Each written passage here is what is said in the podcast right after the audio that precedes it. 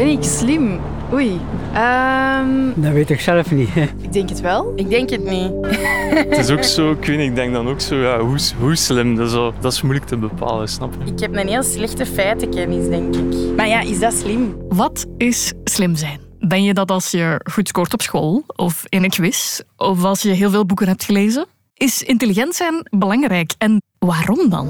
Ik ben Shalini van Langberg en ik weet niet hoe het bij jou zit, maar ik ben precies als kind blijven hangen in die fase waarop je bij alles vraagt waarom? Waarom is intelligentie belangrijk? Wat is dat? Hoe meet je dat? Wanneer ben je niet slim genoeg en kan je ook te slim zijn? En wat maakt menselijke intelligentie anders dan die van machines? Ik ben altijd nieuwsgierig om meer te weten, te leren en te ontdekken. En dus ook over dat brein van mij en dat van jou. In deze podcast zoek ik uit wat er zo fascinerend is aan ons brein. Ik doe dat met de hulp van experten. Langzaamaan proberen we het mysterie van de intelligentie bloot te leggen. Ik trek met de micro de straat op Ik vind dat je aan de oren. en ik praat met ervaringsdeskundigen. Er zijn zoveel andere manieren om te leren. Ik probeer zoveel mogelijk te weten te komen over onze hersenen en een van de belangrijkste dingen die ze produceren: intelligentie. Welkom bij Studio Brein Intelligentie, een podcast van Breinwijzer over de briljante bochten in je bovenkamer.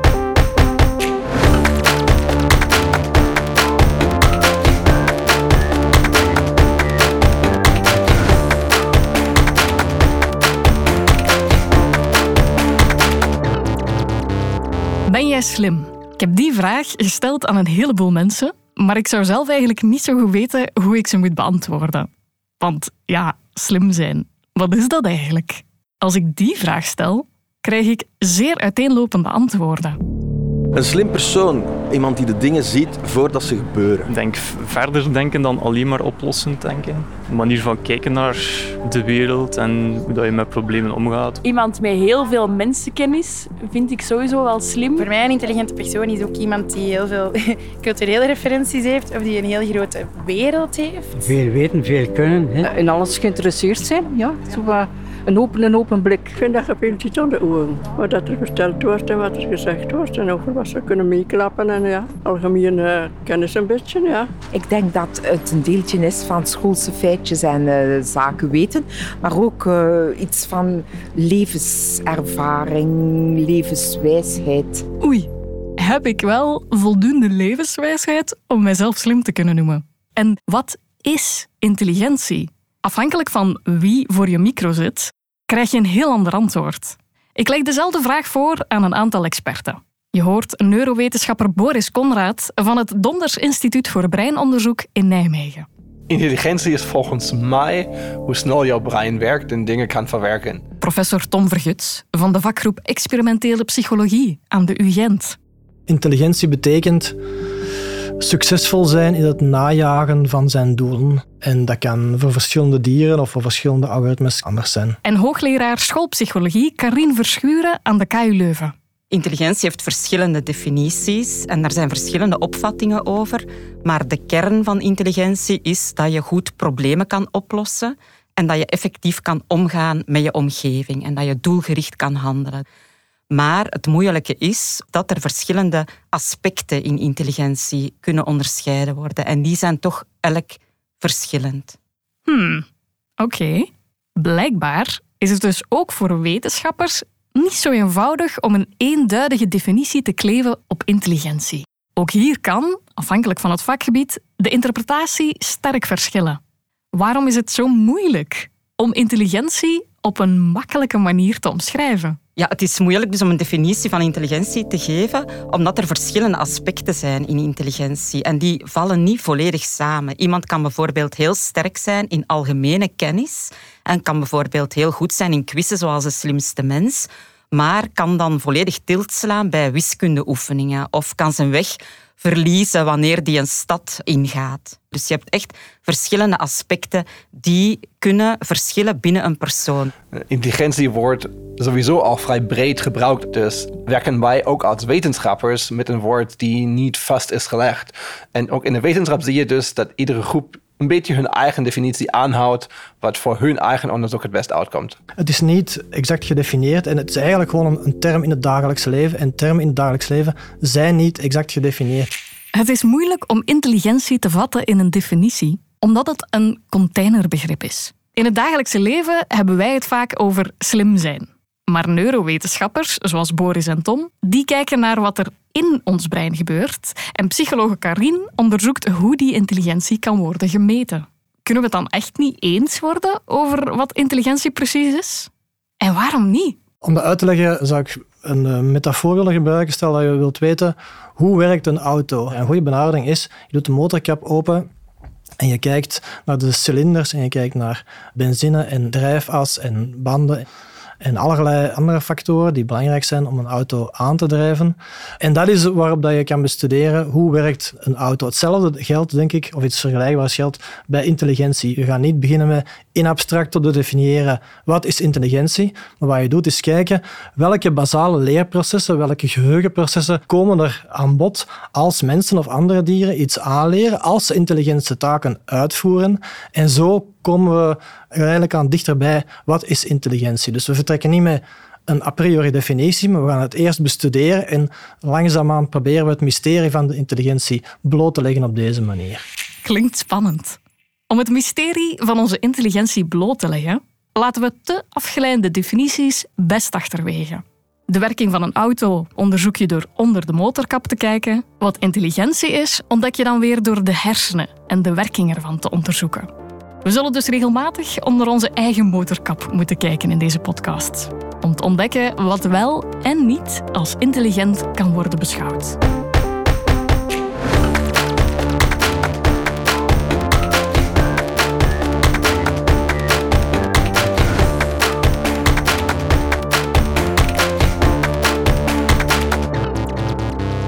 Dit weten we al. Intelligentie is een moeilijk te definiëren begrip en wetenschappers onderling zijn het niet altijd eens over wat wel of niet thuis hoort in het onderzoeksdomein. Om het nog uitdagender te maken, hebben wij, niet-wetenschappers, ook nog eens onze eigen ideeën en visies over intelligentie.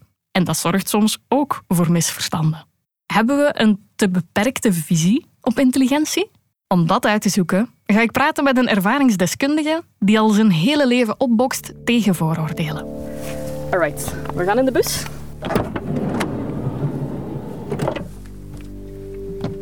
Oh, zalig.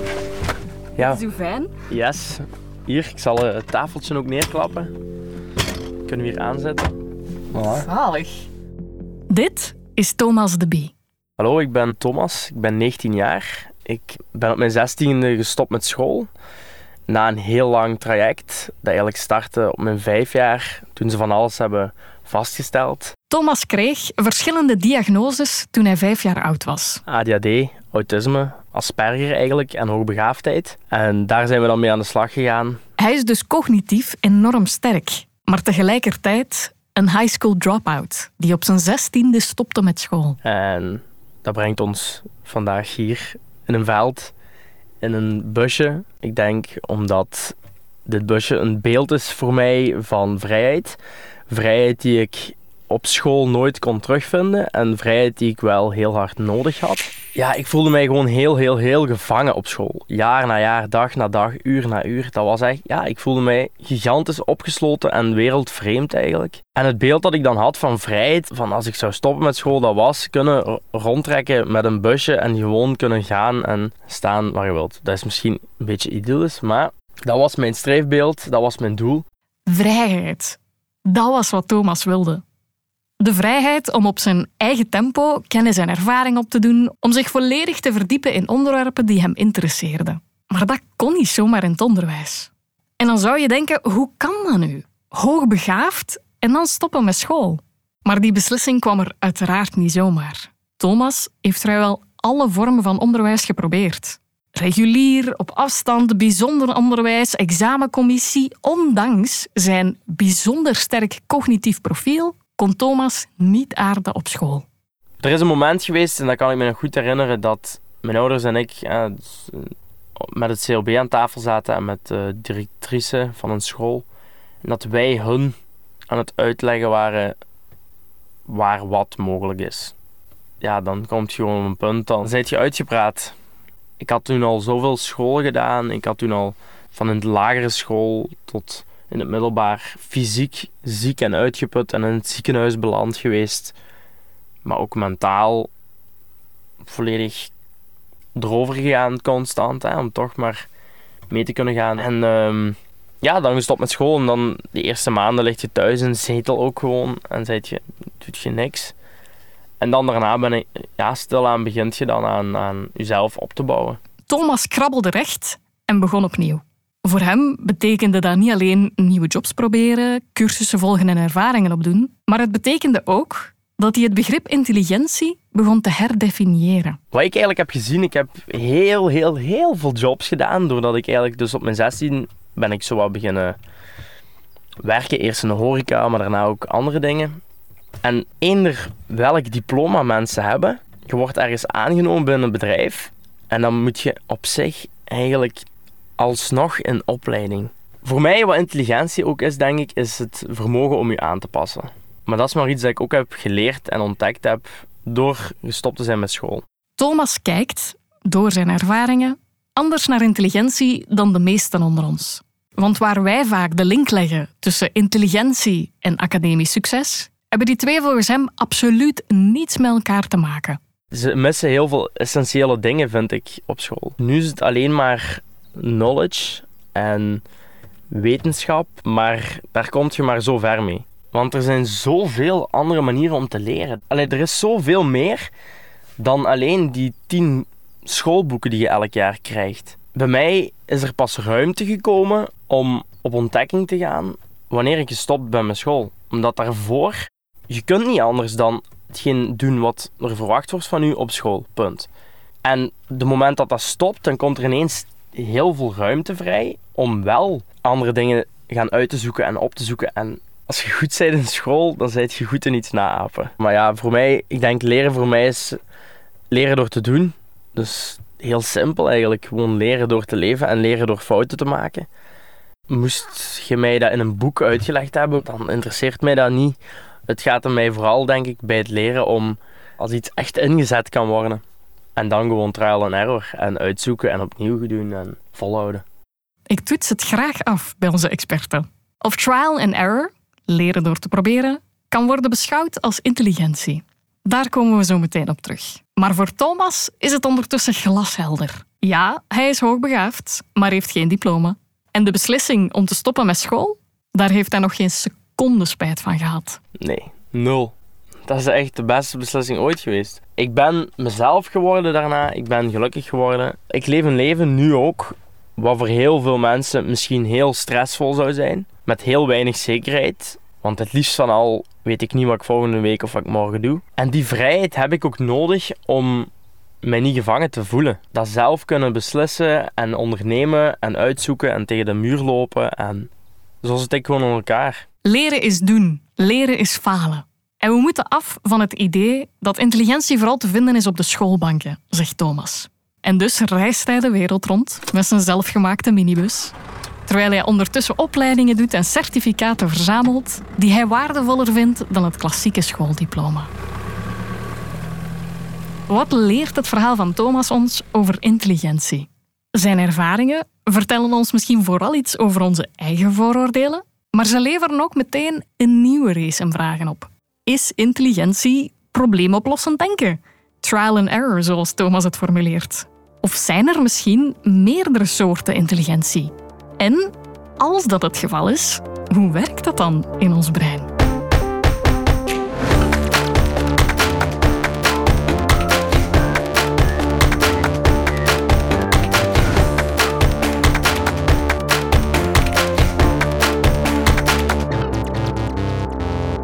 Wellicht heb je het al wel eens gehoord of gezegd over iemand. Dat die misschien wel heel slim is, maar niet echt emotioneel intelligent. Dat zou een andere vorm van intelligentie zijn. Evengoed kan je iemand omschrijven als praktisch of creatief slim, als analytisch of motorisch sterk. Zijn er verschillende soorten intelligentie? Professor Karin Verschuren is niet overtuigd. Wat we wel of niet verstaan onder intelligentie, zegt ze, is al jarenlang voer voor heftige discussies. En de ene visie is al wat controversiëler dan de andere. De gangbare manier om naar intelligentie te kijken is dat men zowel zegt er is een algemene intelligentie, dat is zinvol om te onderscheiden. En je kan personen situeren op een continuum gaande van minder intelligent, van minder in staat om problemen op te lossen, naar meer intelligent. Meer in staat om effectief om te gaan met de omgeving, meer in staat om problemen op te lossen. Dus elke persoon heeft zijn eigen cognitieve profiel, zeggen we dan. Heeft zijn eigen sterkte-zwakte profiel van intelligentie. Dat is echt een breed, algemeen aanvaard idee. Wat controversieel is, is om andere vaardigheden ook als intelligentie te benoemen. Dus dat je sociale vaardigheden bijvoorbeeld, of emotionele vaardigheden, of praktische vaardigheden, of muzikale vaardigheden, dat je die ook allemaal intelligentie noemt. Dat is controversieel. Intelligentie kan je grofweg omschrijven als het vermogen om problemen op te lossen. Om flexibel om te gaan met je omgeving, zegt Karin. Je verzamelt informatie, onthoudt die en gebruikt die op het moment dat je met een probleem wordt geconfronteerd. En de ene persoon kan dat al wat beter, vlotter of sneller dan de andere. Daar zijn wetenschappers het over eens. De discussie zit hem vooral in welke vaardigheden we als intelligent beschouwen. Ik denk dat het beeld dat we hebben van intelligentie vrij breed is, in die zin dat het een grote waaier aan cognitieve vaardigheden of denkvaardigheden omschrijft. Dat je zowel het kan hebben over algemene kennis, over verbale vaardigheden, over geheugen, over hoe snel je problemen kan oplossen, hoe goed je ruimtelijk inzicht is, hoe goed je geheugen is. Dus dat is eigenlijk op zich al breed, maar het is uiteraard beperkt tot het cognitieve. En waarschijnlijk bedoelen mensen dat, dat er naast dat cognitieve, naast dat intellectuele, ook nog andere vaardigheden zijn die belangrijk zijn. En dat klopt wel, dat is waar. Emotionele vaardigheden, sociale vaardigheden en alle andere mogelijke vaardigheden, die zijn ook belangrijk om het in het leven te maken. Maar daarom hoef je dat nog niet intelligentie te noemen. Die andere mensen, waar Karin naar verwijst, zijn onder andere een aantal Amerikaanse psychologen die midden jaren 80 de meervoudige intelligentietheorie introduceerden. Een aantal wetenschappers vonden de wetenschappelijke visie op intelligentie te beperkt en suggereerden dat er niet één enkele en algemene vorm van intelligentie bestaat, maar meerdere vormen. Het is een idee dat vrijwel meteen omarmd werd door de populaire media, maar dat toch met een korreltje zout moet worden genomen. Zegt ook neurowetenschapper Boris Konrad. Er zijn een aantal wetenschappers die zeker goede modellen bouwen die verschillende intelligenties vergelijken, maar heel breed geaccepteerd in de wetenschap is het eigenlijk niet. Dus hier worden dingen intelligentie genoemd die zeker bestaan. Maar die ene zegt het is een vorm van creatieve intelligentie en die andere noemt het gewoon creativiteit. En het is niet meer onderdeel van intelligentiewetenschappen. Dus het zijn zeker dingen die voor mensen belangrijk zijn. Wat je kunt, waar jouw talenten liggen, waar jouw sterktepunten liggen. De vraag is, is het een vorm van intelligentie? We willen vaak niet zo graag een mens meer of minder intelligent noemen. Dan zeg je liever, nou ja, je bent misschien minder logisch intelligent, maar meer creatief intelligent.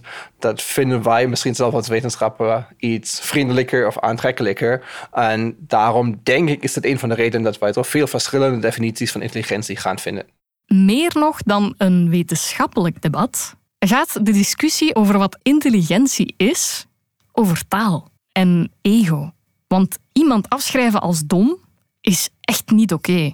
En met een laag of gemiddeld IQ kan je nog steeds een geweldige schilder zijn of gesprekspartner. Er zijn verschillende domeinen van begaafdheid.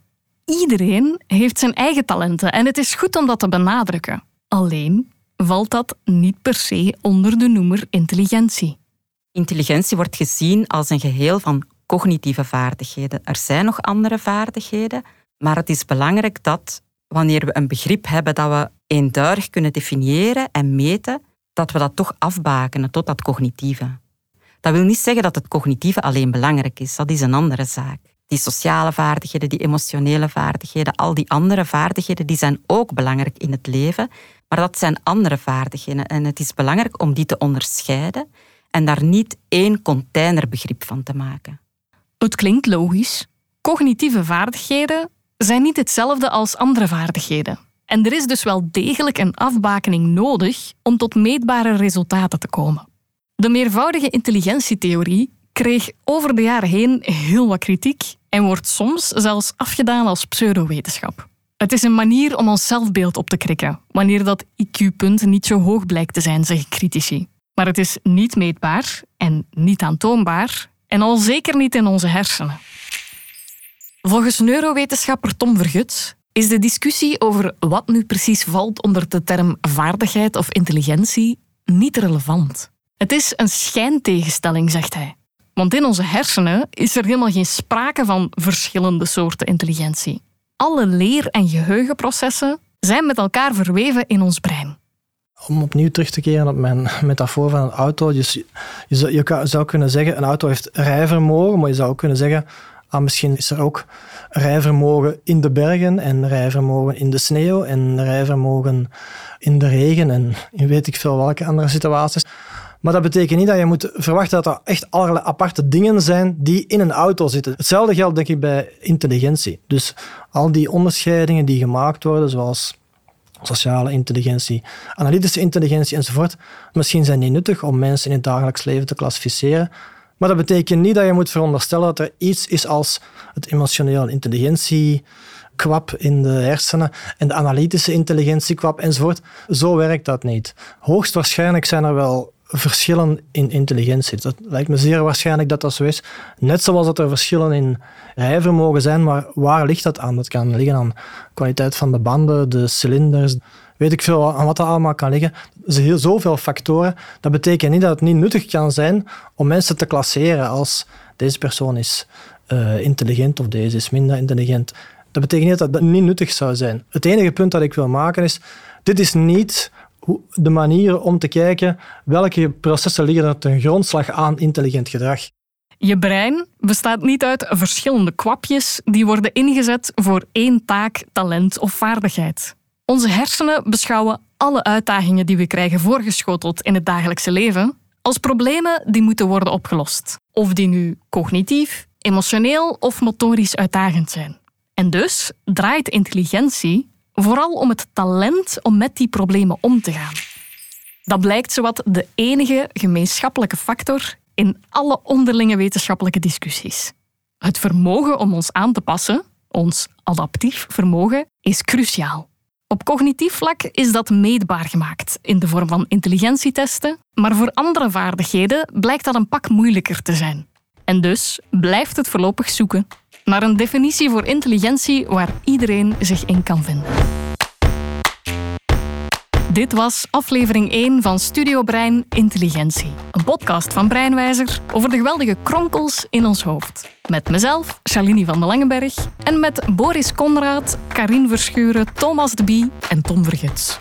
In de volgende aflevering van Studio Brein zoek ik uit of we onze intelligentie kunnen opkrikken. En of ook jij en ik geheugenkampioenen kunnen worden. Zoals neurowetenschapper Boris Conrad. Je kan je geheugen trainen en het maakt niet uit op welk niveau van intelligentie en geheugen je start. De geheugentechnieken werken voor iedereen. Iedereen kan slimmer worden. Dat gaan we testen dus in de volgende aflevering van Studio Brein Intelligentie. Deze reeks werd gemaakt door Podcast Agentschap Uitgesproken. Heb je nog vragen of reacties? Dan zijn die welkom via info.breinwijzer.be of via een review in je favoriete podcast-app. Bedankt voor het luisteren. Hallo daar. Vond jij deze podcast over intelligentie ook zo interessant? Ik ben Liesbeth Gijssel, hoofdredacteur van EOS Psyche en Brein. Dat is een tijdschrift over psychologie en hersenwetenschap. Wil je na het beluisteren van deze podcast op de hoogte blijven van het onderzoek naar alles wat er speelt in ons hoofd? Wil je als eerste lezen over nieuwe doorbraken en inzichten?